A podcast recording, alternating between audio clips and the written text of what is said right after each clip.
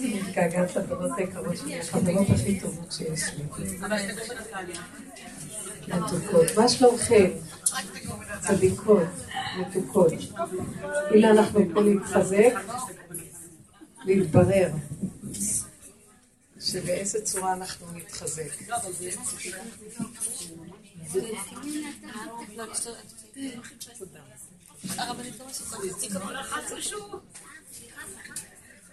מתוקות שלי, מתוקות. איך אנחנו נפגשות ומתחזקות כל פעם אנחנו לא תמיד מבינים את הדיבורים, נכון? הדיבורים שלנו לא פשוטים. לקח המון זמן לבנות לקלוט מה מדברים פה, לא? אני אגיד לכם, ביסוד הטבעי של החיים אנחנו מחפשים את הטוב מפני הרע. כל הזמן רוצים לברר מה רע ולא להיות עסוק איתו. לחפש מה טוב, נכון? מה החידוש, וזה כל הדורות עשינו, זה עם ישראל, כן? כל הזמן אנחנו צריכים לברר מה טוב, מה טמא, מה טהור, מה מותר, מה אסור, מה כשר, מה פסול. שישה סדרים. העבודה שלנו היא עבודה אחרת. אנחנו באמת, זה לא יפה, אני עושה כאן עבודה אחרת לגמרי. אני גם לא הבנתי בהתחלה מה אני מדברת, תאמינו לי, הלבישו עליי דבר. לקח לי זמן להבין גם. מה שאנחנו עושים פה, אז אנחנו אולי נצייר את זה ככה, אנחנו נמצאים בעיגול בכדור הארץ, והוא מחולק לשתיים, יש רע ויש טוב. השכל שלנו הוא שכל שרואה תמיד דואליות, או כן או לא, טוב או רע, נכון או נכון, מותר אסור וכן הלאה. וכל התורה גם כן ניתנה לנו תורה בהתאם למוח הזה, ושאנחנו צריכים לברר כל הזמן את הדברים. יושבים החכמים וכל הזמן מבררים לנו מה נכון, מה לא נכון. עד כאן הכל בסדר, נכון? אדם שהיה חילוני לא יודע מה נכון, מה לא נכון. עוזר בתשובה, הוא מתחיל לקבל מונחים נכונים, מושגים מה נכון, מפני מה שלא נכון. אנחנו עסוקים במשהו אחר. כי תראו, כל העיגול הזה של כדור הארץ, נכנס בו רעל, זה נקרא עץ הדת. הנחש פיתה אותם לאכול. אז עכשיו נהיה להם, השכל מתחלק תמיד לשניים, ומאחר והשכל מתחלק לשניים, אז הוא מבולבל. כי אם זה רק שכל אחד, אז אין בלבולים. אבל אם זה מחולק לשניים, אז זה כבר מתחיל להיות ריבוי. אז לא ברור מה נכון. אז באה תורה שהתלבשה בדיוק על השכל הזה, בהתחלה, שקיבלנו לוחות ראשונים, היה אור מאוד גדול שנעלם כל הספק, והיה ברור שיש רק השם. כאילו כל המוח הזה נפל, ונהיה, כאילו הורידו מסך, מה שנקרא, הורדת מסך. נהיה ברור שאין עוד מלבדו, שהכל זה השם. הבנתם? עכשיו תגידו, אם רואים שהכל זה הוא, אז זה מוחלט שאם זה אין עוד מלבדו, אז אפשר להגיד, זה טוב, זה רע? אפשר להגיד כזה דבר? אין עוד מלבדו. הבנתם? נהיה התיקון הכללי. נגמר. באותו רגע שירדו הלוחות הראשונים, נגמר התיקון של העולם. חירות ממלאך המוות. אין ספק, אין בלבולים, אין מלחמות, אין דבר נגד דבר. טמא אמונה טהור, אז כל הזמן צריך להיזהר שלא יהיה טמא. אין, לא נזהרים כלום. אין עוד מלבדו, הוא מטפל בהכל. אין טמא, הכל נגמר. נגמר החשיבה, נגמרה המלחמה. חשיבת המלחמה וההתנגדות נגמרה. עשינו את העגל, חזרנו עוד פעם למוח, התכסה כאילו האור הזה של האחדות הבורא, ונהיה עוד פעם דואליות. מה נכון, מה לא נכון. משה רבנו עלה, הוא יבוא, הוא לא יבוא. הוא מת, הוא חי. אז היה צריך להוריד את התורה, שתסביר לנו מה נכון ומה לא נכון. עכשיו התורה, הלוחות השניים התלבשו על הבלגן של המוח. ולפי הבלגן הם עוזרים לנו. הבנת? הבנתם? זאת אומרת, שהתורה לא חזרה להיות כמו הלוחות הראשונים. אנחנו כבר לא מדברים על השם. הגדר הוא הלוואי אותי עזוב ותורתי שמרו. אין יותר כלום. יש כללים, יש חוקים, והחכמים מבררים מה החוקים. סור מרע ועשה טוב, מה לא נכון, מה כן נכון. הבנתם עד פה מה אנחנו? עכשיו, השיעורים שלנו, הם הביאו זווית חדשה. מה הזווית החדשה שהשיעורים האלה נותנים? וכתוב, בסוף הימים, יבוא אליהו הנביא להחזיר אותנו בתשובה. מה להחזיר אותנו בתשובה? שלא נהיה חילונים ונהיה דתיים. לא. כתוב שאליהו הנביא יבוא להחזיר את הצדיקים בתשובה. אלה שכבר שומרים תורה ומצוות. אז מה יחזיר אותם? למה? יהיה תנועה חדשה של תשובה, שתלמד את הבני אדם איך לחזור למצב של האמונה הראשונית של אין עוד מלבדו. ושבת עד השם אלוקיך. זה לא תשובה של סור מרע ועשה טוב, זו תשובה של, טוב, סור מרע ועשה טוב, אבל עדיין אני לא עם השם. אני יותר צדיק מאשר רשע, אבל עדיין, אני גם הצדיק, אין לו את השם. אין לו את השם, יש לו את החוק הנכון של השם, אבל אין לו את השם. הלוחות הראשונים הראו להם את השם. הכל, אין עוד מלבדו. אתם קולטות מה אני אומרת? אם אתם תסתכלו עליי, כאילו אחרי כל הדיבורים האלה אתם לא מבינים, אני סוגרת תיק. אנחנו נדבר הלכה עכשיו. אין לי כאן, אתם שומעות מה אני אומרת? אנחנו לא מחפשים מה נכון, מה לא נכון, ואז אני אהיה בן אדם צדיק, צודק. אני צודקת, אני הולכת יותר נכון מהשני. אני לא מחפשת מי יותר צדיק. אני מחפשת את השם. את אחי אני מבקש. איפה הם רואים? איפה השם? איפה הוא? היום הייתי אצל מישהי, להחזיר לה איזה, איזה תופרת, איזה בגד או משהו, אז היא אומרת לי, אה, את לא נראית כל כך טוב. אמרתי לה, לא, הייתה לי קצת שפעת וזה, אז אומרת לי, בואי בואי נעשה לך משהו נגד עין רעה. איך, את מדברת לפני אנשים, אז בטח שיכול להיות עין רעה. גם הרב שרבי אומר, עין רעה וזה. רק ככה הביאה לי ככה מין מחתה כזאת, עם אה, ציפורן וכל מיני דברים. כתובת כזאת, והיא עשתה לי ככה על האש, עשה לי על הראש. ואני אמרתי, יצילו מהעבודה זרה שלך, מה את רוצה מהחיים שלי? אז היא אומרת לא, תראי, זה כתוב גם פה, זה דברים שעושים אותם. אמרתי לה, תגידי, את שפויה? עוד מעט לא נשאר ממני כלום. כל מה שנשאר ממני, אני, אני מחפשת את השם. אם השם שלי לא ישמור עליי מכל העין רעה, אז אני, אין לי חיים. אני כל היום מחפשת אותו. אם אין השם פה, אז את יודעת מה? מה זה הקטורת שלך? זה מה שיציל אותי? הניחוחות האלה, אני לא מבינה אותך. אז היא אמרה לי, לא, אבל כתוב צריך להיזהר מעין רע. אמרתי לה, אני יכולה להיזהר ממשהו, אם השם לא ישמור עליי, אין חיים פה. התחלתי לצעוק, הצילו מעבודה זרה שלך. תפסיקי כבר. היא אמרת לי, לא מבינה מה אני עושה לא בסדר. אמרתי לה, אין לך השם. אני אגיד לך את האמת. אני, זה המקצוע שלי, לחפש רק את השם. ולהגיד לו, תשמע, או שאתה פה ועוזר לי, או שלא, אז אין לי, אז, אז אם אין לי השם שיכול לעזור לי, ואני צריך לפחד מכל מיני דברים, ולהגיד 80 יום ככה, ו-20 דברים לעשות ככה, ולעשות אש עם הקטורת, ולקחת תופרת, אז אני לא יכולה לחיות ככה. אז זה מה שרצית ממני? עייפתי מהגלות הזאת. אני, רצוננו לראות את מלכנו. השם, אל תעזוב אותי. אין לי חיים פה, אם אתה לא מתגלה, לא רוצה לחיות פה. ככה אמרתי לו. אתם רוצות לחיות? תחנו. זה נקרא חיים זה? אני צריכה ללכת. איך נעלבתי ממנה שהיא עושה לי על הראש את הדבר הזה? וגם זה השם רבנית. זה השם. לא, אמרתי לא לה, הולכת בכוונה. תפסיקי. אני מבינה מה את אומרת, תפסיקי. זה היה כן, והתחלתי לצעוק עליה. אמרתי לה, תעזבי אותי. נבהלה ממני, אמרתי לה, אם ככה את הולכת, אז אני כופרת בתורה שלך. ככה אמרתי לה, אני לא רוצה תורה כזאת. זה מה שעם ישראל אחרי כל כך הרבה דורות צריך לחפש כל מיני נשק כדי לחיות פה. אז אם אין השם פה, אז אין כאן כלום. לא רוצה כלום. אם אני עובדת אותו, נגמרתי עליו. כל השנים אני מגדלת את הילדים לתורה, הלכה, הכל, והוא לא יכול לשמור עליי, ואני צריך כל הזמן לעשות 80 יום כאן ו-20 יום כל, ושעובר מישהו לעשות, וחתול עובר, אז להגיד אבא תרחם וכל זה, מה? לא רוצה, לא רוצה לחיות פה. אז איפה עם ישראל? אז איפה היהדות? אז מה התורה? אז מה זה? בתורה אסור להסתכל, כתוב סימנים אסור להגיד, סימן, עבר זה, זה סימן שככה.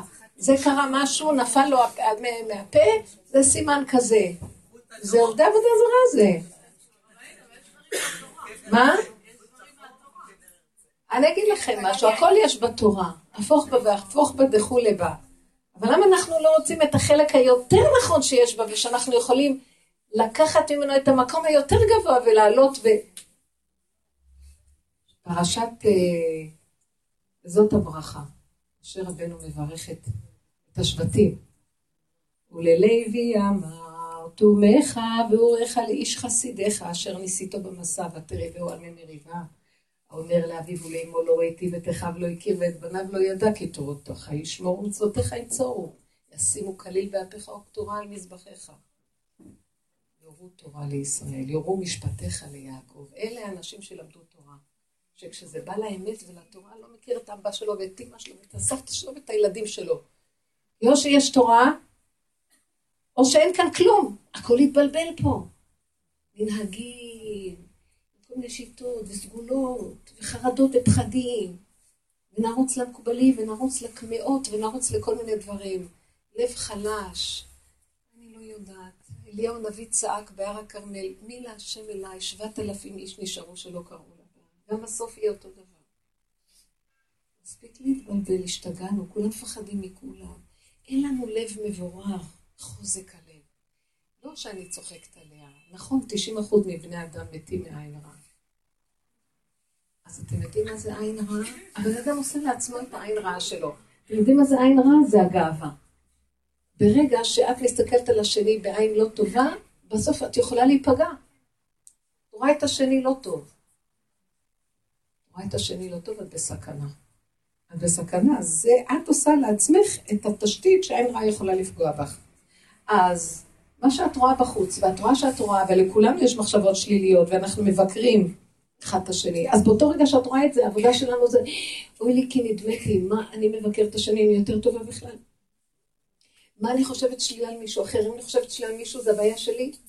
אז אני מסתכלת על עצמי ואומרת, וואו, תסתכלי איך את חושבת, תראי איך את נראית. ואז אני צועקת, השם, תציל אותי מהחיה הרעה שבתוכי.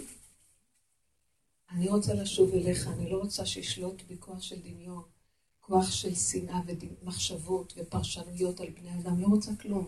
מה פתאום שבכלל ישכון לי מחשבה על מישהו? אני רוצה רק להיות קשורה איתך, אין דמויות, אין עולם. הכל אתה שולח לי פה רק לנסות אותי, כדי שפה אני אקח את הכל ואפרק, אפרק, אפרק, מבטל את הכל ואני אשאר צינור ריק להשראה הקדושה של השכינה. אל תעזוב אותי השם. אז הוא אומר לי, את לא רוצה שישלוט בך עין רעה? אז את צריכה לדעת כל מחשבה רעה, כל המצוקה שיש לך, הכל, תפרקי בתוך עצמך, עד שלא יישאר שום דבר. לא הדמות ולא את ולא כלום. אין לא הוא ולא גם את, אין את ואין הוא ואין עוד, אין כלום, אין עוד מלבדו. אבל זה אתה, אני רק גולם שלך, תשמור עליי. מבינים? אז ישבתי שם, נתתי לה שיעור, דיברתי איתה. אמרתי לה, מה קרה לנו לעם ישראל? כל היום אנחנו עם הדברים האלה. נכון שיש רובד כזה שהמקובלים יגידו, תזהרו מזה ותעשו ככה ואל תעשו ככה ותעשו ככה. כן, אבל יש גם דברים אחרים בתוך עולם התורה. בואו נלך לחפש אותם. אולי נרים רמה, אולי נחפש את השם כבר, ונפסיק כל הזמן רק לנבור בתוך הכדור הזה, ולהיות צדיקים ולא להיות רשעים. אתם יודעים מה שיקרה? מרוב שאנחנו בתוך הכדור הזה, לא מחפשים כבר את השם, כי, אין השם, אנחנו בתוך הכדור מנותקים מהשם, אבל אנחנו כל הזמן עם אגו שרוצה להיות צדיק ולא רשע. אבל השם, איפה הוא? אולי הוא מעבר לכדור. צריכים לפרק את הכדור, לפרק את החשיבה, לפרק את הכן ואת הלא. אין כבר כלום, גם טמא וטהור לא קיים, אין אף אחד, אין עוד מלבדו. יכולה לראות ערבי ולא יהיה אף אחד כאן פה. אין דמויות, אין כלום. אז הוא ערבי, מה זה קשור אליי? זה של השם. ואחר כך יגלו שאליהו נביא מתחפש תמיד לערבי. תפרקי לו את הדמות, אין אף אחד, אף אחד לא יכול להזיק לך, כי אין אף אחד שם, לא נתת לו ממשות וכוח. אז את מפרקת את החשיבה הטבעית, שהיא תמיד מחולקת לסקאלה הזאת של השתיים, המנגנון הזה, ואז מתחילים לחיות חיי אמונה, אין עוד מלבדו. ואמרתי לה, ועכשיו ישבתי ודיברתי איתה, ואמרתי לה, תראי, אני אדבר עם השם, השם, אם אתה לא תשמור עליי מעין רעה, אז, אז מי ישמור עליי? ואם אתה לא שומר עליי ואני עיר פרוצה ללא חומה, זה אני גרמתי את זה, כי אני לא מספיק דורשת ומחפשת אותך. אז אתה אומר לי, אם את לא תחפשי אותי, אז מה תחפשי? אלילים? תלכו אחרי אלילים? תחפשי אותי, אני אשמור עלייך. אז אם היא אומרת שזה היה עין רעה ואתה לא שמרת עליי, אז לא הבעיה שלך, זה הבעיה שלי. שאני מפחדת מהעולם ונותנת להם כוח, אז, אז אם אני מרגישה שיש לי פחד מהעולם, אז אני צריכה לעבוד על הפחד שלי. איך הגשמתי את העולם? מי הם כולם בכלל פה? ואיך אני מחפשת עצות ופתרונות לפחדים שלי, במקום לפרק את הפחד לרסיסים, להעלות אותו להשם ולהגיד, זה אנרגיה גנובה, זה יראת השם, שבמקום שהיא תראה יראת השם, היא נהיית פחד מהבני אדם, זה אותו שורש. זה יראה נפולה נקרא. אז תרחם עליי ותעזור לי, אני רוצה לחזור בתשובה אליך. אני לא רוצה לחיות ככה, לא רוצה, לא רוצה, לא רוצה. כי אני לא אעבור לעשות את הטריק הזה, יבוא לי מפה עוד דבר. עוד לא גמרתי, היה לי ככה בהתחלה, אני ירושלמית, נכון? הייתה גברת קלצקין, אני לא יודעת מה הייתה בעצם. אישה נהדרת, גדולה, צדיקה, משהו מהמאה שערים נקיות ככה. וכל פעם, כשהיו לי ילדים קטנים, הייתי לוקחת את כל הערימה והולכת עליה לעשות להם עופרת. שלא יהיה להם עין רעה וחרדות ופחדים וכל זה. הייתה מעמידה אותה בשורה, מחבת על זה, על זה, על זה, עופרת קופצת, הכל. תהיו, את רואה את העיניים פה, את רואה עיניים, מלא עיניים, מלא עיניים, עיניים, עיניים. כל ילד, הייתה לוקחת לו 40 שקל. הרבה, את כל המשפחה הבאתי. רק הייתי יוצאת משם, אחרי יומיים הייתי אומרת, אוי ועוד פעם עין רעה. אז כל חודש הייתי מוציאה המון כסף על עין רעה. ורק הייתי יוצאת משם, הייתי צריכה לחזור עוד פעם. אמרתי, תשמעו, זה לא עסק. קלצקי לא להרבה כסף. יותר מדי עם עין רעה. אמרתי להם לילדים, נמאס לי מהעין רעה שלכם. אתם יקרים מדי. הם לא היו מבינים מה אני לוקחת אותם. לא היה איזה ילד שבכה או פחד מהעופרת. אמרתי, די כבר, די, תני את זה לצדקה יותר טוב. די. אין כלום. הבאה, אם אתה לא תשמור עליי בעולם הזה, אין לי כאן חיים. אם אתה לא תעזור לי, אין כאן קיום. נמאס לי מהעולם הזה, הוא משוגע, עולם מטורטר, טיפש, הלכנו לאיבוד. עם כל הכוחות והמחשבות והרגשות והבנות והמצוקות. אין כלום, נאדה. אתם לא מבינים שאין כלום? כלום. גולם. תאכלו, תשתו, תשנו, ועוד פעם תאכלו, תשתו, תשנו, ועוד פעם. וזה מה שיש לעשות. ובינתיים יש משהו קטן פה לעשות, לקחת תנועה קטנה ופה ופה. נהיינו ענקים, גדולים, ואנחנו כל יכול, וצריכים לגונן על כולם, ומה יהיה? עזבו להשם קצת להיכנס, לא השארנו לו מקום, אין לו איפה להיכנס. כל שולחנות מלאו קי וצואה בלי מקום, אין השם פה. אין השם. כוחי ועוצם ידי. ואז הכוחי הזה יש לו מלא פתרונות, מה הוא יעשה? מה הוא יעשה? מצוקות, יש מצוקות. לא זזתי משם שאמרתי לה, תקשיבי, אני נמלה קטנה עם השם לא ישמור עליי, אין לי חיים. אין לי חיים, כלום. אז, אז למה נחלשתי? כאילו, היה לי קצת שפעת וזה. אני ראיתי שזה קשור אליי. קשור אליי. לא לקחתי מספיק כנראה איזה נקודה עד הסוף, ופירקתי אותה והשארתי אותה, והיא טפחה וגבתה את המחיר שלה. זה היה העצלות שלי, אבל אין לי את מי להאשים. הבנתם? אז אנחנו אומרים, קרו ונעלה בית כל, בואו נחפש את השם, בואו נחיה איתו. בתוך כל הבלגן שלנו, שם הוא נמצא. הוא הביא לנו את כל המציאות הזאת. מה הוא רוצה מאיתנו? שנשוב אליו, ושבת עד השם אלוקיך. לא ושבת מטוב לרע, מרע לטוב חלילה. אם לא נעשה את העבודה הזאת, בסוף כל הנערים והנערות יפלו ברחובות. כי אנחנו צריכים לשוב להשם, והוא ישמור על הילדים.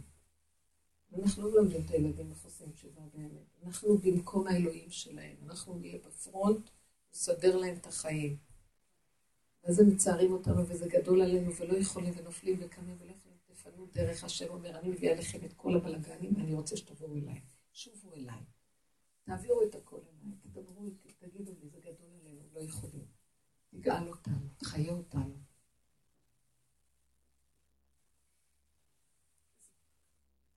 הוא מבקש את, ה, את, ה, את העם, הוא מבקש את העם, זה דווקא ששומר תורה ומצוות, הוא רוצה שנשוב אליו בתשובה, דווקא את אלה ששומרים תורה ומצוות, הוא רוצה שנשוב בתשובה. התאונה המזעזעת הזאת, כל פעם כשנוגעים בעולם החרדי, זה מזעזע. ואז אנחנו לא מבינים אפילו את המסר, כי אנחנו בטבע. הטבע של הצדיק מפני הרע. אנחנו צדיקים. ולא יודעים מה נעשה, אז אולי נקבל על עצמנו עוד קצת, נלמד עוד לימוד תורה. זה תמיד טוב, זה לא קשור. אנחנו צריכים לעשות תשובה, אנחנו לא יודעים לעשות תשובה, אתם מבינים? העולם שלנו חושב שהוא כבר צדיק, הוא לא צריך לעשות תשובה. אליהו נביא יבוא להחזיר את הצדיקים בתשובה. מה זאת אומרת? שחושבים שהם כבר צדיקים, מה הכוונה? הם באמת צדיקים. יותר מהרשעים והחילונים, אין ספק. אני, אני מעריצה של אנשים שאומרים תורה ומצוות. אבל אני אומרת, טוב, זו מדרגה, מספר שתיים. אחד זה החילונים, שזה לא מדרגה, אבל זה... ושתיים זה אלה ששומרים. שלוש זה אלה שמחפשים את השם. אחרי שכבר יש להם את המדרגה מספר שתיים, זה סמינרים מתקדמים. מה צריך לעשות שם? נגיד לו, ריבונו של עולם, כל מה שעשיתי, עשיתי לשמור על הגדר של הגוף, שהגוף לא ילך ככה, והכל גדרים שהתורה מצווה אותי. אבל בנפש אני לא מחובר אליך בכלל. זו עבודת נפש, בדקויות של המידות, במדידות הדקות של המידות. אם יש לי חרדה מפני הקיום שלי, אז אין לי השם בתוכי. אז למה יש לי חרדה? אתה לא נותן לי את כל מה שאני צריכה. לא. אני עוצר לך את המציאות כדי שתעשי תשובה ותתבונני. למה את חושבת שאת צריכה לחיות איך שאת חיה? את חושבת שאת המחיה את עצמך והפרנס של עצמך? באת לכאן לעבוד אותי ולחיות איתי ולתת לי גילוי של מלכות פה בעולם, ואני אפרנס אותך. ולא תדעי שום מחסור, כי אין מחסור לי רעב. ומה את עושה? עזבת אותי והלכת לחפש פרנסות. אז יאללה, כשלו איש באחיו.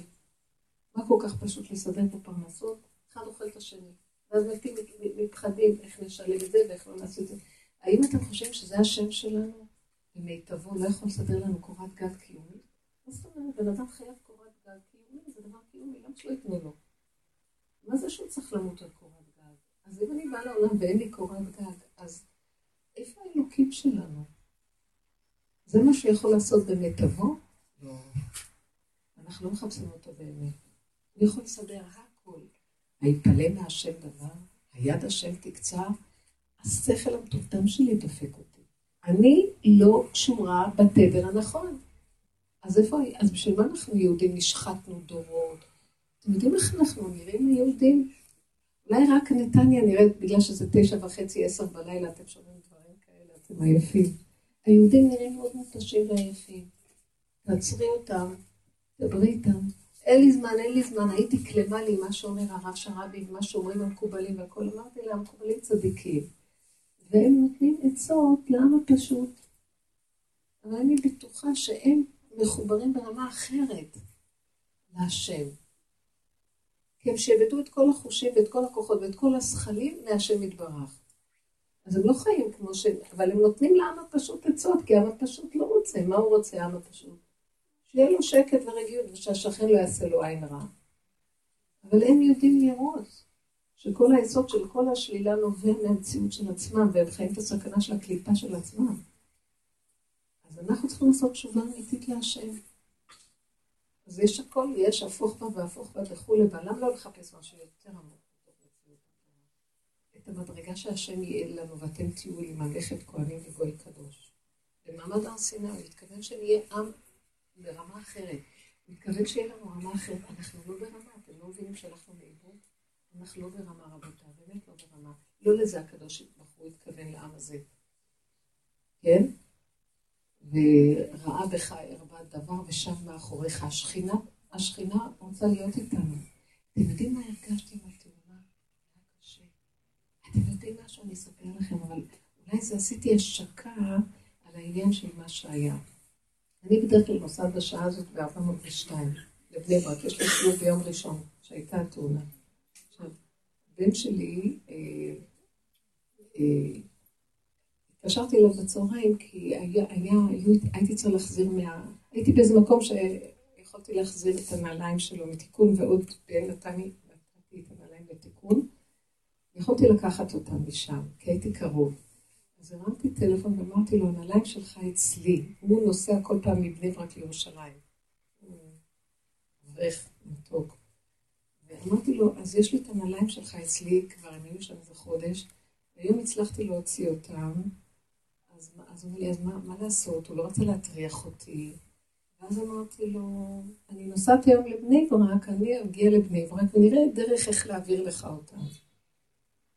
אז הוא אומר לי, לא, את יודעת מה אימא, נכון שאת נוסעת תמיד בשש לבני ברק? אז במקום שתיסעי ב-402, בואי תיסעי ב-422, כי אני גם, אני אקדים טיפה לצאת, וניפגש שם, ונשב ונדבר, וניסע ב-422 כביש 443. בכיוון אחר. אז חשבתי לרגע, ואמרתי, יש לי דברים לעשות בבני ברק, אז אני רציתי להקדים, אבל אתה יודע מה? טוב. וככה נפגשנו. ולא רק את זה רציתי לספר.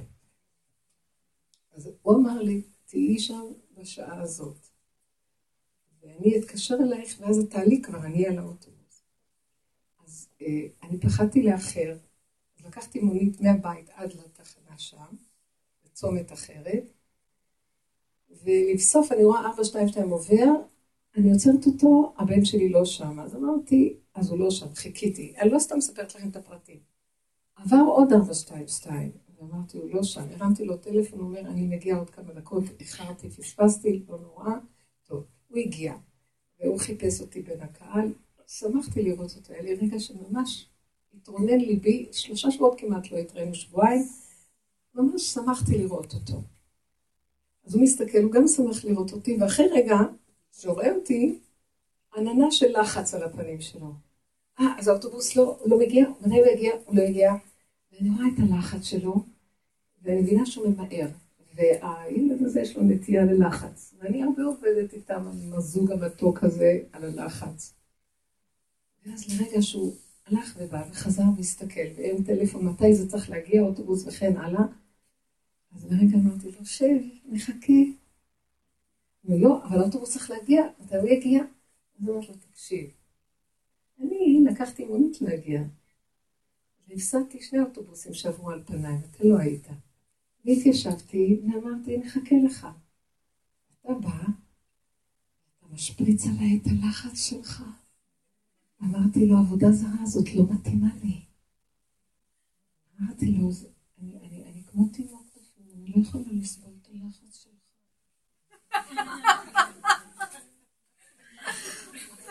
הוא הסתכל עליי, מה כבר כל כך לחץ שאני ככה? אמרתי לו, רגע, רוצה להגיע מהר הביתה, קודם כל תהנה ממני עכשיו, לא ראינו אחד את השני, תהנה. יש לנו שיחות יפות, יש לנו זמן לדבר. דבר שני, אתה רוצה להספיק להגיע להשקיף את הילדים, אתה דאוג. עזוב כבר את הילדים האלה. אתה לא רואה שהם שם ואתה פה, ואתה עכשיו חי על דבר שלא קיים כרגע. אתה עוזב את השם מערכות אלוקים חיים, וחושב על הילדים. הילדים חיים טוב, הם שיעבדו אותך יותר מדי. עכשיו אימא איתם, בוודאי איתם. אתה רוצה להגיע, זה נחמד, וזה מאוד יפה לעזור בהשקפת הילדים, זה יפה. אבל כרגע אין בידך, אין לאל ידך, נכון? תפסיק עם הלחץ. ככה אמרתי לו. אמר לי, זה נקרא לחץ, זה נקרא בכלל לחץ, זה לא נורא, זה לא לחץ. אמרתי לו, לא, לא מתאים לי. קצת, הרבה זה אותו דבר. תיזהר, לחץ זה לא טוב. בוא נעבוד את השם. מה אתה משיג מזה שאתה נלחץ? טוב, אחר כך האוטובוס הגיע, ועלינו לאוטובוס. ובדרך דיברנו. הדרך, דיברנו קצת על העניין של לחץ וזה, וראיתי, שאנחנו מדברים, וראיתי שהיה לו איזו נקודה של הלחץ הזה התמיד אצלו. אז בתוכי אמרתי לעצמי, תקבצי, הייתי צריכה לגונן על עצמי. פר, בנות, אני אומרת לכם, אני עושה עבודות דקות, זה נראה מוזר, אני מספרת לכם חוויות נפשיות קטנות. מה שאני אומרת לכם זה נשמע דבר מאוד קטן, זה דבר גדול אצלי. אין לי עבודות גדולות. רגע ראיתי איך האנרגיה הזאת נכנסת בי, ואמרתי, לא, לא, לא, לא, לא שווה כלום. לא שווה לי עולם.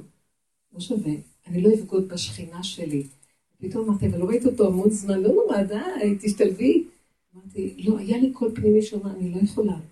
קודם כל השכינה שלי, קודם כל הרגיעות, קודם כל הקשר האמיתי עם בורא עולם, שקט. אני חשתי ממש עבודה זרה, מה זה? ממש חשתי מה זה אנרגיה של מה, כלום אין לו מזה, סתם לחץ. להגיע יותר הוא לא יגיע. כל הרצון שלו עכשיו, יש לו רצון יפה לעשות דבר חשוב, נכון? לעזור לאשתו, לחבר לך לחיים, זה יפה מאוד, אבל זה לא מסתייע כרגע, אז למה אתה לא ילחץ? הרגשתי שאני, אני אומרת לכם, חוויה עדינה, לא יכולתי לסבול את הלחץ. היה איזה רגע שאמרתי הניסיון שלי זה מנסים אותי אם אני מוכנה לבגוד בשכינה שלי בשביל הילד שלי. הוא מוכן לבגוד בשכינה שלי בשביל הילד שלו, אני לא מוכנה. פתאום הרגשתי, מספרת לכם חוויה פנימית, הרגשתי שאני כאילו אומרת, לא, אם הוא לא בא איתי, זאת נקודת אמת, ואנשי השם, עובדי השם צריכים להיות מעודנים, מרוכזים. הם צריכים, כתוב, תלמידי חכמים דבריהם נשמעים בנחת, הילוכך תהיה בנחת, עונג תקרא לשבת, נכון? עונג. זה קרבת שכינה, שקט. השם רוצה להתגלות, ואני אה, מסירה את הכל, השכינה בורחת, היא דקה, היא עדינה. שכינה לא ברעש השם, כל דממה דקה. זה המעלה של עם ישראל. תראו מה קרה לנו. אנחנו בעולם האופנים, והגלגלים, בעולם המכניות, מנגנוני טירוף אוכלים בנו, וככה אנחנו חיים. וגם מקיימים מצוות, וגם אנחנו עובדים את השם, גם מתחתנים וגם ילדים ילדים. אנחנו שמים את הילדים בפה של הקליפה, והיאור כבר אכל את כולנו והטביע אותנו שם. תדעו לכם, הכל הלך לאיבוד. בקיצור, אני כל הזמן מגוננת ואומרת לא. גם לא בעד הערך היקר הזה של הבן הזה, שהוא מה זה צדיק ותלמיד חכם. אבל אם הוא לא קשור במידות שלו בשכינה, יש לו עוד חלק שאני כל כך מתחננת להשם. שהם יזכו להגיע לזה גם, ולא קל, בכלל לא, כי יש לו תורה כבר. כי הם צדיקים, הבנתם? הדקות הזאת של להכניס את השם לחיים שלנו, הכל ייראה אחרת. הילדים בטוב, אשתך בטוב, השם איתם. תכניס את השם לתמונה, תראה ישועות. אתה לא במקום השם. לאן אתה רץ עם הלחץ? הרגשתי שמנסים אותי אם אני בוגדת בנקודה הפנימית שלי, ומתמסרת אליו איכשהו, או שאני אומרת לא, לא, לא. וכל הזמן היה לי מצב כזה של לעזוב ולהיות עם השכינה. בדרך אנחנו שומעים על הכהונה. מישהו מאחורה מדבר והוא קיבל את הידיעה וכל האוטובוס היה בזעזוע ממש ממה ששמענו.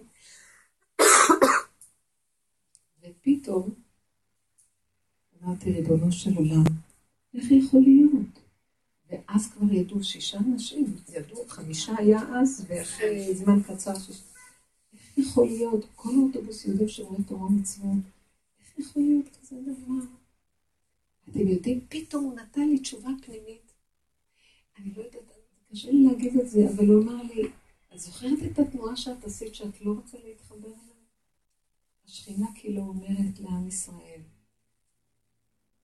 אין לי כוח אליכם כבר, נתתי לכם הכל. אני רוצה לשכון בתוככם, אני רוצה, ל... אני שוכנת בתוככם, אני רוצה שתגלו אותי. אני רוצה שתבואו אליי.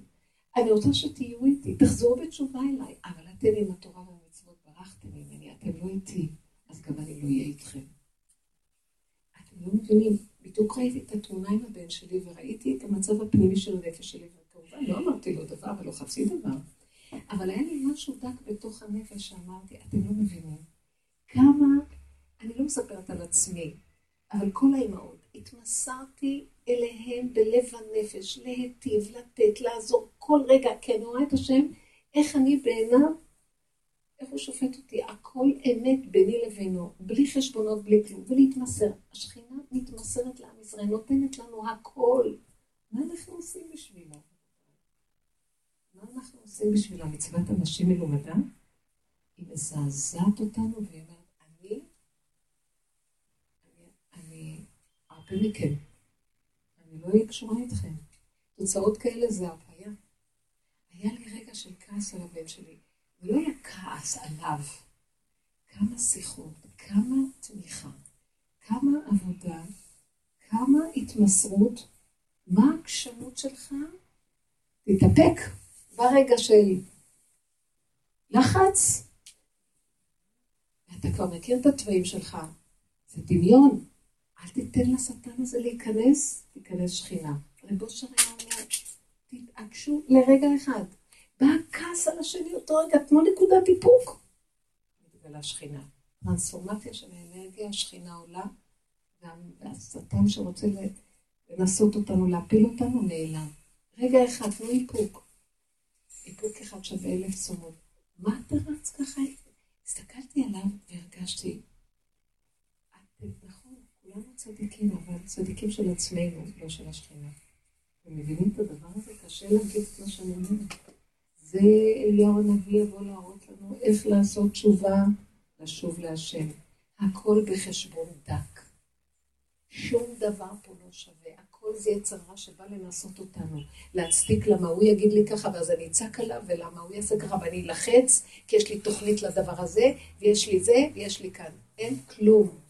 כשזה בא להמליך את השכינה ואת השם האומר לאביו ולאמו לא ראיתי, ואת אחיו לא ידע, ואת בניו לא הכיר. תורתך ישמעו ומצוותיך יצורו. הם הולכים איתך, הם מגלים אותך בתוך התורה. אז מה תורה מרוקדת מבורא עולם, ככה אנחנו נראה. כן. ברוך אתה אדוני אלוהים מלך עולם שהכל יהיה. דוגמה מאוד אה, בנאלית, יומיומית סתמית, אבל אני רוצה פשוט ללמוד, להכניס את זה לתוך הפרקטיקה. אתמול הלכתי להשקיע בשביל השם ישמור את הבנות שלי, הלכתי להשקיע בשתי הקטנות שלי, הן לא קטנות, שש ושבע וחצי, שמונה, ואז אה, אחת מהן אמרה, אמא, אפשר לסיים עוד איזה משהו קטן? אמרתי משהו קטן, לא יודעת לסיים. אז היא, המשהו הקטן הזה לקח חצי שעה, זה משחק קטן, אז כבר נהיה תשע, ו... ואז כאילו נכנסנו לחדר, אני לא אשקר, בתשע כבר רציתי אה, לבשל את אחד מהם, אז אה, ישבתי רגע על הספה, לא, לא קשור אליהם, כבר רציתי כבר, אה, זהו, כבר נהיה תשע. אבל אה, קמתי אחרי עשר דקות, נכנסתי איתם לחדר, כבר תשע ועשרה. אני מספרת לך מה, מה הדבר הזה, כל מה שאת אומרת, כאילו, איפה שהילד שלך היה לא מחובר לרגע, אז שם אני לא התחברתי, אני התחברתי לתשע ועשרה, תשע ורבע, תשע. זה, זה פשוט הכניס אותי לכל מה שאת מסבירה שלא צריך להיות. כן. ואז נכנסנו, ואז רציתי להתחיל את הסיפור על ירושלים, נו, לא, לא נתחיל? ואז אחת מהן אמרה, אולי נחליף את הכרית לצד השני. עכשיו, אני בראש רק רואה כבר תשע ושש עשרה דקות, תשע שבע... מה רצית לעשות? לקחת אותם לאיזה מקום? רציתי להשכיב אותם לישון. אה. וכל הזמן האיום הזה של השעון, אני אומרת לך מה קרה, איפה זה חלחל אצלי במקום כן. לא נכון, אבל... כן, כן. זאת אומרת, היית לחוצה. כאילו לא ראיתי אותם, ראיתי רק את זה שוואו, תשע ועשרה. כשאני נכנסת למקום הזה, אני כבר לא רואה כלום. אני לא רואה שכינה, זה לא נכון, אבל את יודעת, אני כן, כן, כן, כן, להצדיק את ה... יש לי... אה, יש לי רעיון, יש לי תוכנית, יש לי... ואז... פעם הייתי באיזה סדנה, אז היא אמרה משפט שחקוק אצלי, היא אמרה, לא מקריבים ילדים למען מטרות. וואו. אני דווקא מקריבה את כולם למען מטרות. למה הילדים יקריבו אותי זה יותר טוב? לא, התכוונה כאילו... לא, לא, כי כולם עובדים עבודה זרה שנקראת ילדים. אני מאוד רגישה לדבר הזה. לא מקריבים ילדים. אבל הילדים יקריבו אותנו היטב היטב לאורך ולרוחב. וזה לא הילדים, זה יהיה צרה שבילדים שדרכם הוא הורג אותנו. אוקיי, ואז נהיה תשע ברבע, ואז הבת שלי אמרה, אולי נשים את הראש בצד השני, אביגיל, היא אמרה לבת השנייה. אז אביגיל אמרה, למה לא? עכשיו, אני חושבת לעצמי, אם היא תיקח את הכרית לצד השני של המיטה, זה עוד 10-15 שניות, 30 שניות בשקט. אז אמרתי להם, טוב, תקשיבו, זהו, קאט. אני כרגע עם... לא, את לא עשית גבול, כל הסיפור נכון. שלך שלא היית נאמנה לגבול שלך. מה? למה בכלל את צריכה להשקיף את יותר לי, כן, אני לא מבינה, מה את מדברת פה? המערכות שלך מבולבלות עדיין. לא, אל תגידי ככה, אני התקדמתי. מאוד, אבל אמרתי עדיין. אני רצתה להגיד שהיא דווקא. לא, היא צריכה להשקיף גם כמה לא, לא, זה לא עניין מקום של להשקיף, רציתי, יש לנו טקס כזה של כמה דקות לפני השינה. נחמד, אבל אם לא, והן לא נותנות לך, הן לא רוצות. אז תקשיבי, פה זה נכנס. אז אמרתי, טוב, אם אתן מתהפכות אה, לצד השני של המיטה, אני כבר עשיתי חישובים במחשב, אני קמה ויוצאת. אז הבת החצופה שלי, שהיא בחיים לא מתחצפת, אומרת לי, טוב אמא, אז ביי. מה זה אחי? כי יודעת שאני לא אצא בלי הזמן איכות שאני לא אמרתי, טוב חיים שלי, אני שמחה שאת בוגרת, ובאמת את יכולה לבד. יצאתי החוצה, מסכת ייסורים. הם התחילו, הקטנה, תקשיבי, אולי 82 אלף פעם היא חזרה על זה, אז באתי, אמרתי לה, מתוקה שלי, החשמל מפריע, האור מפריע, נכון? אז אני אכבה אותו. חיביתי, איך אני אקרא ככה שמע ישראל? אז חזרתי, בשלב הזה כבר הציפורניים נעוצות, יש לי סימנים מעצמי. אז חזרתי וחיביתי, והקטנה, תקשיבי, ואז היא יצאה. לא מקריבים ילדים. ואז היא יצאה החוצה, אני עוד לא רואה את המטרה שלה, אני מקשיבה לה בקשר. ואז היא יצאה החוצה ואמרה לי, איזה אימא, יש לה לב ככה לשבור לבת שלה את הלב, אני אמרתי, אימא. כן. אין לרחם עליהם, אתם לא מבינים שאין רחמים? אני לרגע ראיתי את הבן נלחץ כדי להגיע הביתה וראיתי את הילדים, במוח שלו הוא מרחם עליהם, הוא לא מרחם על השכינה שלו. הוא גמור מהלחץ. תבינו, אני מדברת על דקויות. רבותיי, אפילו, אתם לא מבינים מה זה לעבוד את השם. קודם כל השם. קודם כל האמת, הקדושה תנצח. מה זה? הילדות האלה, הילדים האלה, החיים האלה, אחוזים יצרים בהם. אתם לא מבינים, היצר מתלבש דרכם, ושם הוא מפיל את כולנו. אל תרחמו. אז חיבקתי וליטפתי אותה, כאילו, זה היה נראה לי החלון, סגרתי דלת, אז פתחתי חלון, חשבתי ככה, ואז אה, נראה לי קיבלתי אפס. לא, לא. לא, לא. יש כאן איזה משהו לא ברור לגבייך. את לא מבוררת עם עצמך איפה הגבול שלך ואיפה הנקודה, וגם הילדות לא מבוררות, ברור. ילדות מנצלות את המרחב איפה שאין לך קשר גבולי עם עצמך. ברגע שאמרת, זהו, זה השעה. אפשר לתת להם עוד חמש דקות. תמיד אין עונשים אלא אם כן מזהירים, אז צריך לתת את זה. אז תתחילי כבר בשמונה וחצי להגיד. נכון. לא חשוב, עד איזה שלב מסוים שפה, וזהו, הן יודעות שהגבול אצלך רחב. אז לכן היא יכולה לרקוד על הדבר הזה, היא לעצמה תפייס את עצמה חצי שעה במה שהיא רוצה, והיא לא תפסיק, שמתם לב? כי קודם כל היא. זה לא יפה. אז טוב, את יודעת מה? קודם כל את טוב, גם כן קודם כל אני. אין לי טענה עלייך, אז כל אחד לעצמו, כל אחד עם השכינה שלו. אבל לפחות תלמדי ממנה איך להיות נאמנה לעצמה. זה לא נגמר. אז היא אמרה לי, טוב, עכשיו את פגעת בלב שלי, אני לא הולכת לישון עד שאת הולכת לישון. את פגעת בלב שלי. ראיתם אחר כך מה הקליפה אומרת? הקליפות ככה הן אומרות. בסוף הן מאשימות אותנו, הבנתם? הם לא רואים את עצמם, ואיך שהם רוצים לפייס את יצרם לעילא ולעילא, ושאנחנו עבדים שמחכים. ולמשמע דבריהם אנחנו אה, פועלים, כי ברגע שהם ירימו יד, מיד נרוץ, וירימו רגל, מיד אנחנו נקפוץ, כי ככה התרגלו. אז אה, היא לא רואה בכלל מה היא עושה, זה עריצות, ומי גרם לזה אני. נכון. למה? כי אני לא קשורה, אז השכינה אומרת, אני מתבדלת מכם. כי אתם פשוט משפילים אותי עד עפר, כבוד השם רמוס, כבוד האדם רמוס, כבוד האימא רמוס.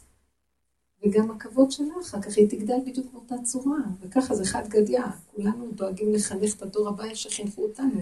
אבא היכה אותנו, גם אנחנו את השני, וככה זה. וזה עולם, זה עולם מעוות. ואנחנו רוצים לעשות תשובה. אז מה לא בסדר פה? סליחה, תעצור. אני רוצה לדאוג לילדים.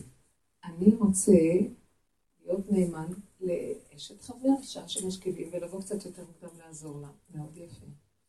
אבל בתנאי שהשכינה מלווה אותי, והיא מסכימה איתי, כי על פי האישה כל דבר. מה זה השכינה? אנרגיית החיים שבקרבי. אם האנרגיה עקומה, כי הלחץ מעקם אותה, אז כל התוצאות עקומות. אז הקמתי את האנרגיה, את השכינה, זה נקרא שכינה בגלות. אומרת לי, בגדת בי, אני גם בוגדת בך, אין לי כוח לתת לך, אין לי חלב לתת לך, אין לי מאיפה שתנוק, תינוק. נטשתם אותי, אתם נטשים אותי, אני לא יכולה להגן עליכם. אם השכינה רגע מסתירה את פניה מאיתנו, אין כאן חיים. סיפור כזה זה הסתרת שכינה. שהשם ישמור, אני לא הלכתי בנקמנות עם הילד, חס וחלילה. הלכתי באיזו הפנמה פנימית של קיבוץ, ואמרתי, אני לא יכולה, ממש הרגשתי שאני נפגעת מהלחץ שלו.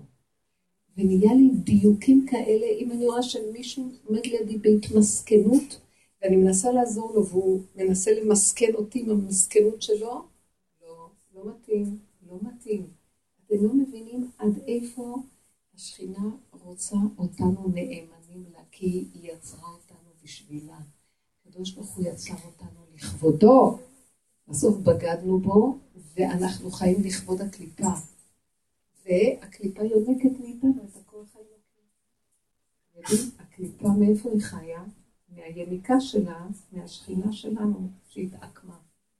וזה יללה, וזה צער ובגידה מאוד גדולה, ולא יובא השם סלוח לו. דעו לכם שיש שלם וכתבו. אז אם אנחנו עם ישראל לעשות תשובה, תשובה, תשובה עד האמת, עד הסוף.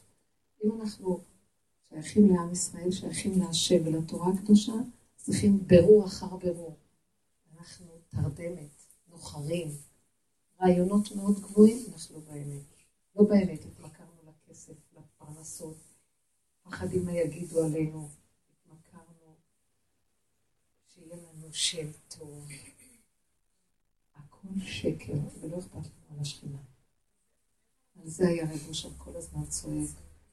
היה רואה דבורים עם גולת זהב, הולכים כל הבקיצ'ה וכל ה... הוא אומר להם, אתה המלך, והשכינה שלך בגלות. מכרת את השכינה. הוא היה צועק, על כל מי שהוא היה צועק. לא אכפת. שמה עושה?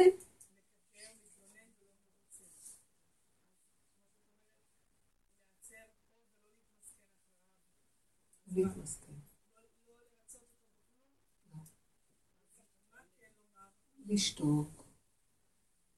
קודם כל תדברי לעצמך ותגידי, אבל אני ממורמרת, הוא מראה לי את עצמי, אני גם כן, מאיפה למד להתלונן וליילל? גם אני כל היום מייללת. כל מה שנותנים לי לא מספיק לי כלומר לנו. כי הקליפה יונקת מאיתנו, ואז היא מושכת לנו את החיות של השכינה שבתוכנו, משתמשת בזה לא טוב. כל היום מייללת. אה? אז הילד הזה מראה לי שיש שם נקודה. עכשיו תעצרי, ואל תאשימי את הילד, ותגידי, אבל אשמים אנחנו לעצמך, ותבקשי רחמים, זה נקרא וידוי דברים, כמו יום הכיפורים, אבל חטאותינו יטו כל אלה. השם תרחם עליי ותעזור לי לשוב אליך. שיהיה לי הכרת הטוב. שיהיה לי הכרת תודה. שאני אדע להגיד תודה בקטן. המוח הגדול הזה, שכל זה אינו שווה לי, של האמן הזה שיושב שם, תמחה את העמלק שלי. תרחם עליי. עכשיו תקשי לילד הקטן ותגידי לו, מה חסר לך מתוק? כי לא חסר כלום, הכל כל כך טוב. מה, מה אמר לך? מה לא בסדר? הכל טוב. מה יש? לא חסר דבר. מה קרה? אין לי זה ואין לי זה ואין לי זה ואין לי זה. אני זוכרת שפעם אחת, אני לא אשכח ואני ראיתי את זה. מאז הפסקתי, לקחתי את הילדים, לפעמים האימהות לוקחות אותם לסופרים. אז לקחתי, אז היו שלושה קטנים, לקחתי אותם על העגלה והלכנו לעזרה ואחווה בירושלים. אתם יודעים מה זה עזרה ואחווה בירושלים? הם לקחו איזה מבנה ענק ועשו פרוזדורים כאורך הגלות ומדפים, ומה לא שמים שם? הכל, מה שאתם רק רוצים. אז אני הלכנו קצת לבלות, מה שנקרא. לקחנו את העגלה, ופתאום אני רואה את הילד, אני רגע, הוא היה לידי, פתאום, והוא מסתכל במדף הזה, מדף הזה, מדפים האלה, ואני שמה דברים. עכשיו אני רואה, מחפשת אותו, לא לידי, אני רואה אותו במרחק של איזה אה, כמה מטרים מאחורה, מסתכל ככה. והפה שלו פעור, והוא מסתכל על המדפים, ואחרי שנייה, כמו רוח תזזית, הוא רץ וחופן מה שרק אפשר לשים בעגלה. פתח ושם, פתח ושם, פתח ושם. ואני הייתי עמומה. אני הבנתי את המראה שהיה לו. כמה דברים יש פה. ואז הוא חשב, הכל הוא יכול לקחת. ואז אני לקחתי לו את היד, אמרתי, לא, לא, לא, צריך את זה, להחזיר את זה, ואת זה להחזיר, ואת זה להחזיר, ואת זה, ולא צריך. הוא היה, הוא בכה קצת. מהר מיהרתי לצאת משם. שלושה חודשים הילד הזה לא הפסיק לילל, ולא ידעתי מה יש לו, באמת. קם בבוקר,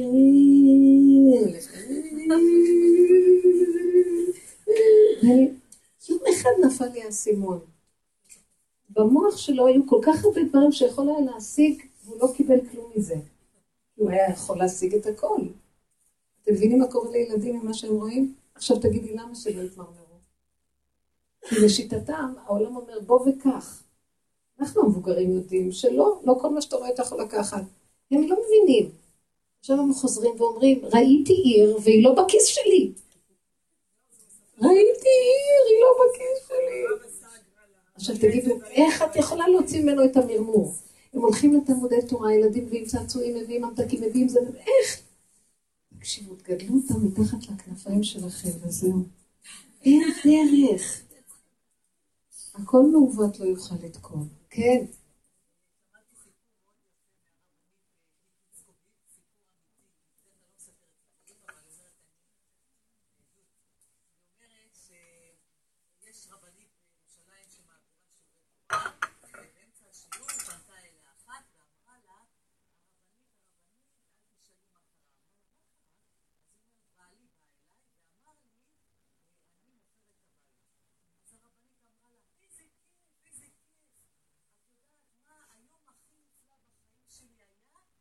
בעלי בא אליי ואמר לי, אני מוכר את הבית. אני הייתי גרה בלב תל אביב, ובעלי מכר את הבית, ובאתי לדון בירושלים. ותראי עכשיו, אני נותנת שיעור תורה בירושלים, ותראי כמה קהל יש, וכמה אנשים יש, וכמה כיף לי בירושלים. אז ממש כיף. אז מה אני אגיד לו? אמרה, תגידו לו שתי מילים. אני איתך, בהכנעה, בענווה, ואני איתך. אני לך, אני מוכר את הבית, אני איתך. אני מוכר את הבית, אני איתך. לא יותר מאני איתך. אחרי שבוע אחרי זה היא לא באה לשיעור, אחרי שבוע היא באה לשיעור. היא באה לשיעור, בוכה על הרבנית, מסתכלת, עושה ככה לרבנית, אומרת לה, תסתכלי. אמרה לה, מה, מה, את רואה את הטבעת הזאת? בעלי הלך, קנה לי טבעת מתנה, ואמר לי, היום אנחנו מתחתנים מחדש. הוא רצה למכור את הבית ולפרק את הבית. ואנחנו לא חיינו ביחד שנתיים. לא דיברנו שנתיים, לא היינו ביחד שנתיים. הוא רצה לפרק את הבית. וכשאמרתי לו, אני איתך, אני איתך, אני איתך, הוא הלך, קנה טבעת נישואים וחזרנו להיות ביחד, ועכשיו ברוך השם אנחנו ביחד. איזה יופי. אז תראי כמה, קודם כל, התמימות של הרבנית, שראתה את זה בחיובי, ואמרה, יואו, איזה יופי.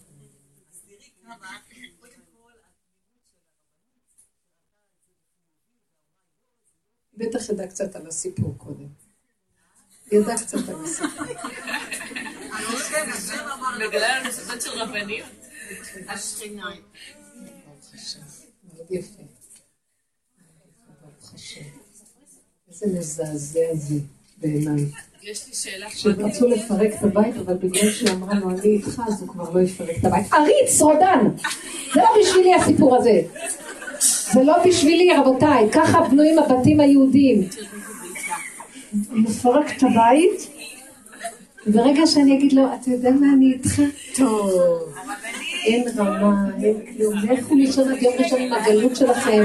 זה נקרא נישואים, זה נקרא רמה, שהוא יעבוד את השם עד כלות הנפש, שהיא תכיר שאין עוד מלבדו, והוא יחבר ביניהם. לכו, שכחתם מה זה להיות יהודים, לא רוצה. לא סובל את הרמה שלך, תעזבו אותי ואל תספרו לי סיפורים כאלה. תת רמה, תת רמה, תת רמה. תת רמה. לא יכולה, אני- אני שומעת את הסיפורים האלה, אני מתה. זה פרעה יושב על הכיסא, ויש סוף סוף היא למדה לרצות אותו. מה שאתה רוצה. כל הקליפה נמסה ברגע. תגאל כבר את עצמך עלינו. למה צריכים להגיע למקום הזה בכלל? ככה זה, אחד רודה בשני, אחד מנצל את השני, אז מתגרשים, ואז אני לא אתן לו, אז אנחנו לא נהיה ביחד, אנחנו לא זה, אז הוא יעשה לי דווקא ואני אעשה לו דווקא. רמה, אין שכינה פה.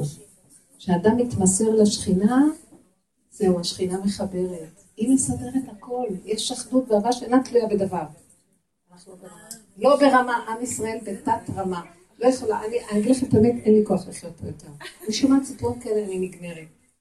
אבל יש רבניות מתוקות שרוצות לעזור למצב הזה, כי זה תת רמה כמו, עליו השלום, הרב שרעבי, שאומר, יש משהו נגד עין רעה, אבל יש גם דבר יותר גדול שבכלל לא מעקוף את כל הדבר הרבנית, מה הסיפור שלכם? אתם לא מבינים שאנחנו יכולים להיות ברמה אחרת לגמרי? תראו לאן הגענו. אז צריכים להגיד לנו, כן, תגידי לו ככה, ואז תראי הטבעות, מלא טבעות. מכירה את השכינה שלה לטבעות על הזה, כדי שהיא אמרה לו מילה טובה, כדי שהוא, הרודן ירגיש רע, אמרו לו שהכל, מה שאני רוצה זה בסדר. תגידו לי, זה, מה שאתם חושבים שהתכוון הקדוש ברוך הוא שאיש ואישה יתחתנו? זה הרמה שאתם חושבים? עד מתי אנחנו ישנים בגלות הזאת? אני מאוד מאוד כאובה, מאוד כאובה, לא. הדברים גברים צריכים להתעורר והם לא קיבלו נשים לרדות בהם, ואנשים לא קיבלו גברים להציל אותם בשביל האינטריגות שלהם, כדי שייתנו להם פה 100 שקל ופה 200 ויתחנפו ויקבלו מה שהם רוצים. אני לא יכולה לסבול את זה, זה לא אמת, שקר. זה לא רמה בכלל. כולם שומרים תורה ומצוות. הבנתם? זה תורה ומצוות זה? אם אין מידות, אם אין יראת השם אמיתית, אם אין שכינה, אז מה יש פה? השם לא רוצה שנתחתן, הוא רוצה שאנחנו נהיה מחוברים איתו, והוא יחבר אותנו אבל זה מה שהוא אמר, אני איתך. איך? מה שהקדוש ברוך הוא רוצה להגיד לנו עכשיו, אז כן. אם אני אגיד לקדוש ברוך הוא, אני איתך, אז. אני אקבל את הכל, אז מבינה, אני לא איתך, אבא. איתך. לא, לא, אנחנו צריכים משהו.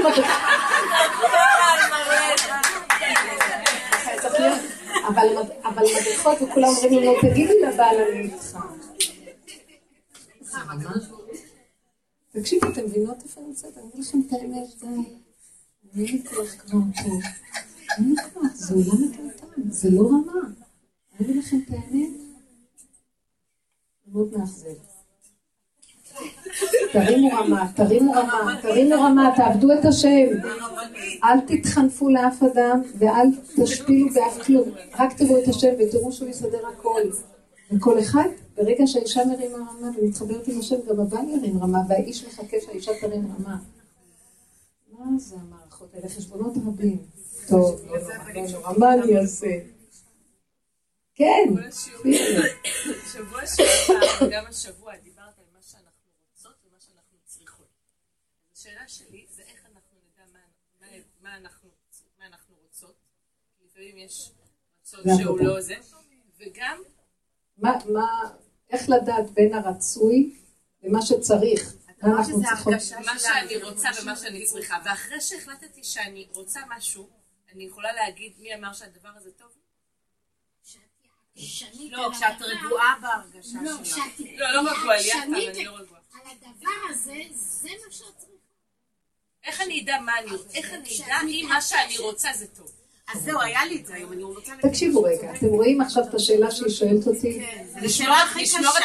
איך אני זו אדע. שמה שאני רוצה זה טוב? קודם כל יש לנו מערכת תורה ומצוות שאומרת לנו דבר שני. יש כל מיני דקויות ברצונות. אז הרבה פעמים אני רואה שאתם לא מבינים, וואי, זה, זה שיעור בפני עצמו, שאם אני רוצה משהו, ואם הייתי קשובה נכון לרצון הזה, מי שולח לי את הרצון? אם אני עובדת נכון, השם שולח לנו את הרצון. וחפצו קשורה ביכולתו, כתוב על השם. ברגע שהוא רוצה משהו, הוא גם יכול מיד להשיג את מה שהוא רוצה.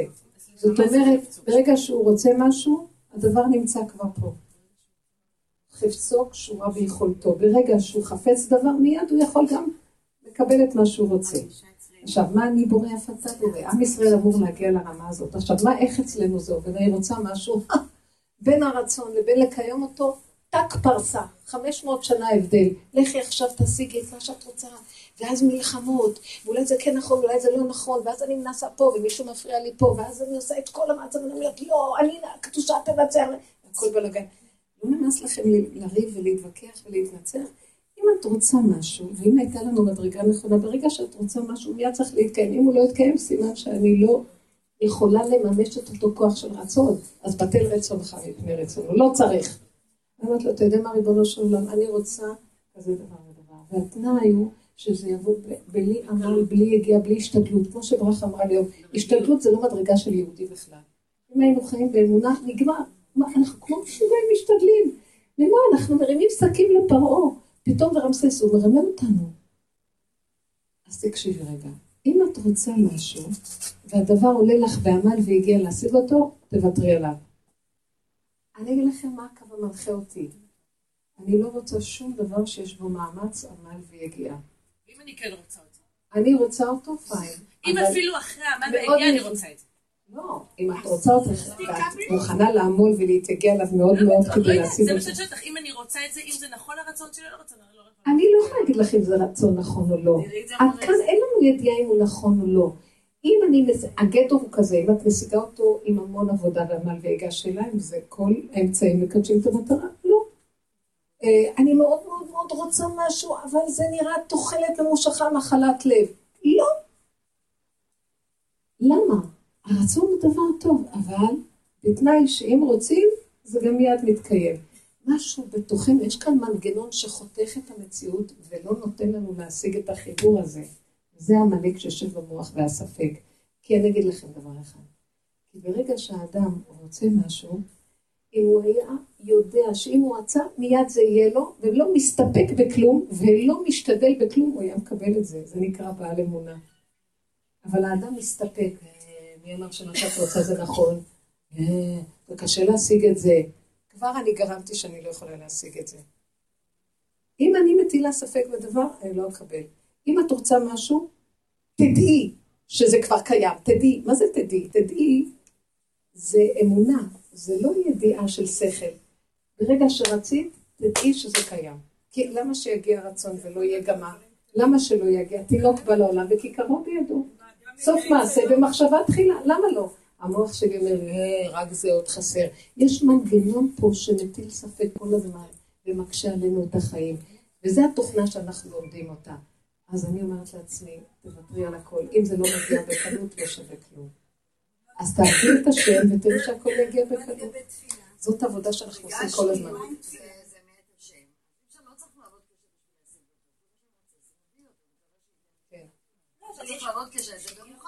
לא מה ששאלתי, נגיד שיש חתונה, את יכולה להחליט להביא את כל הילדים, נגיד חתונה, חתונה. שמחתנים, כן. דתית אחותי. יכולתי להחליט שאני עושה מה שכל האחיות שלי עושות, מוציאה על כל אחד 300 שקל, ובוחרת פפיונים תפורים לפי הבת של החצית של הבנות, של הבנות, ויכולתי להשתגע עם איך שכולם השתגעו. ויכול- ו- ו- והלהפך, אני רוצה להשתגע, כי אני רוצה שגם הילדים שלי יהיו יפים, שלא רק יגידו סטרוגו יפים. נכון. אני רוצה שגם הם יהיו יפים. ומצד שני, יכולתי להגיד, תשמעי, אין לי כסף, אין לי זמן, אין לי כוח, אין לי, לא, אין לי כיף, לא כיף לי.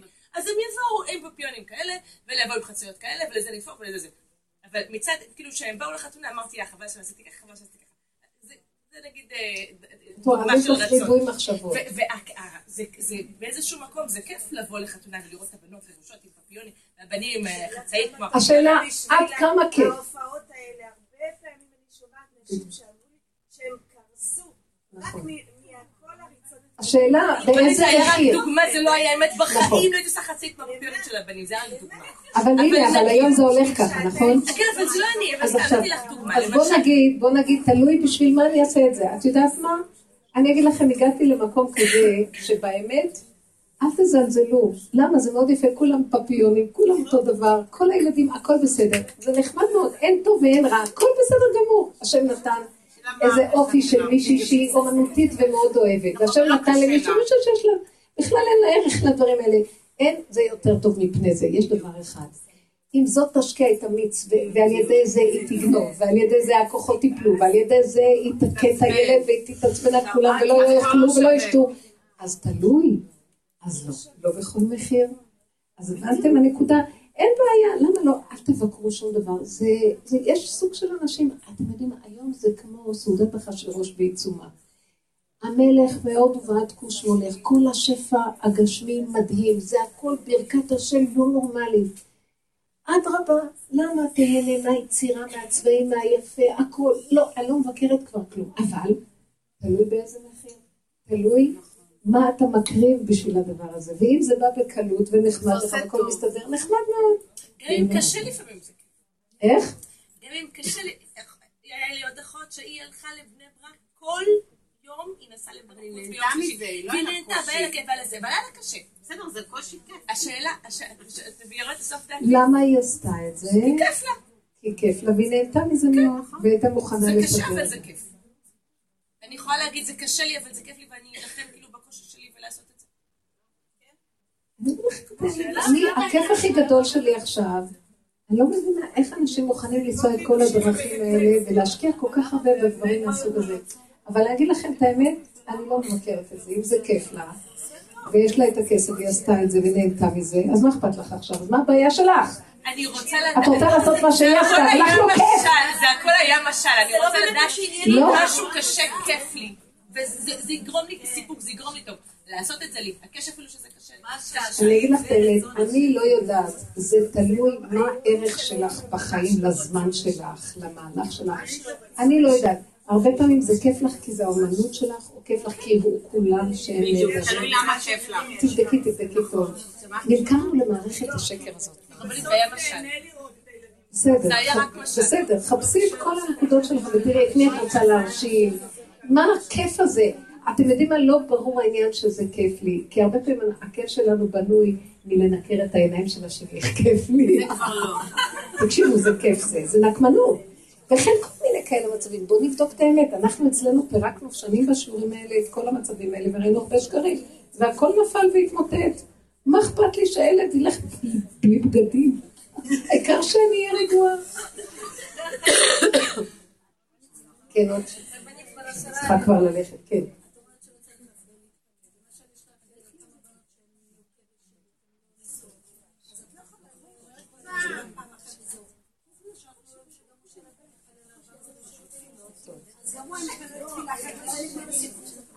מה שנעשה, נעשה. השם יזכה לנו, שאם אנחנו מבררים את המידות בדקויות ושואלים את עצמנו שאלות, ומקבלים תשובות, שלא מחויב המציאות זה ולא זה, ובירור, זה נקרא לנפות, ב-13 נפות, עד שמוצאים את נקודת האמת. אם נמצא את נקודת האמת, תראו דברים מדהימים. כבר לא רוצים לנסוע עד סוף העולם להביא אה, בגדים יפים, ולא רוצים...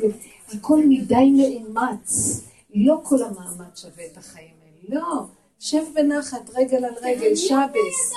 ועד אלייך הכל יגיע במתיקות, ותהנו ולא יהיה קנאת איש ורעהו, ולא לנקר אחד העניין את השני, ולא לרצות להרשים, ולכל מיני דברים. אנחנו חיים מזה, כי המערכות שלנו משובשות.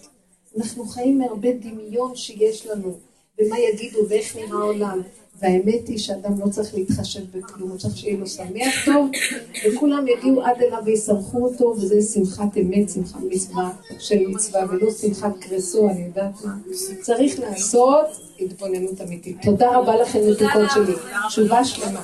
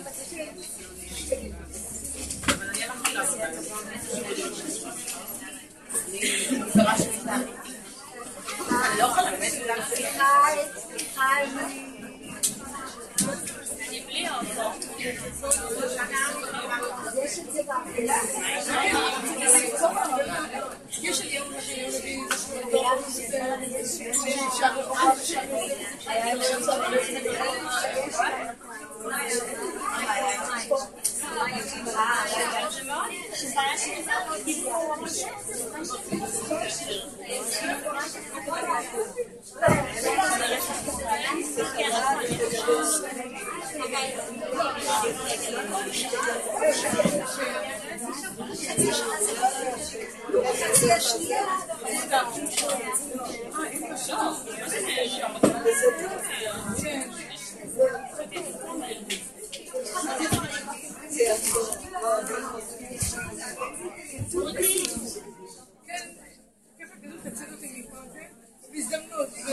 אני אראה לך את זה בשבוע הבא, בלי נדר. שיהיה לך כל טוב.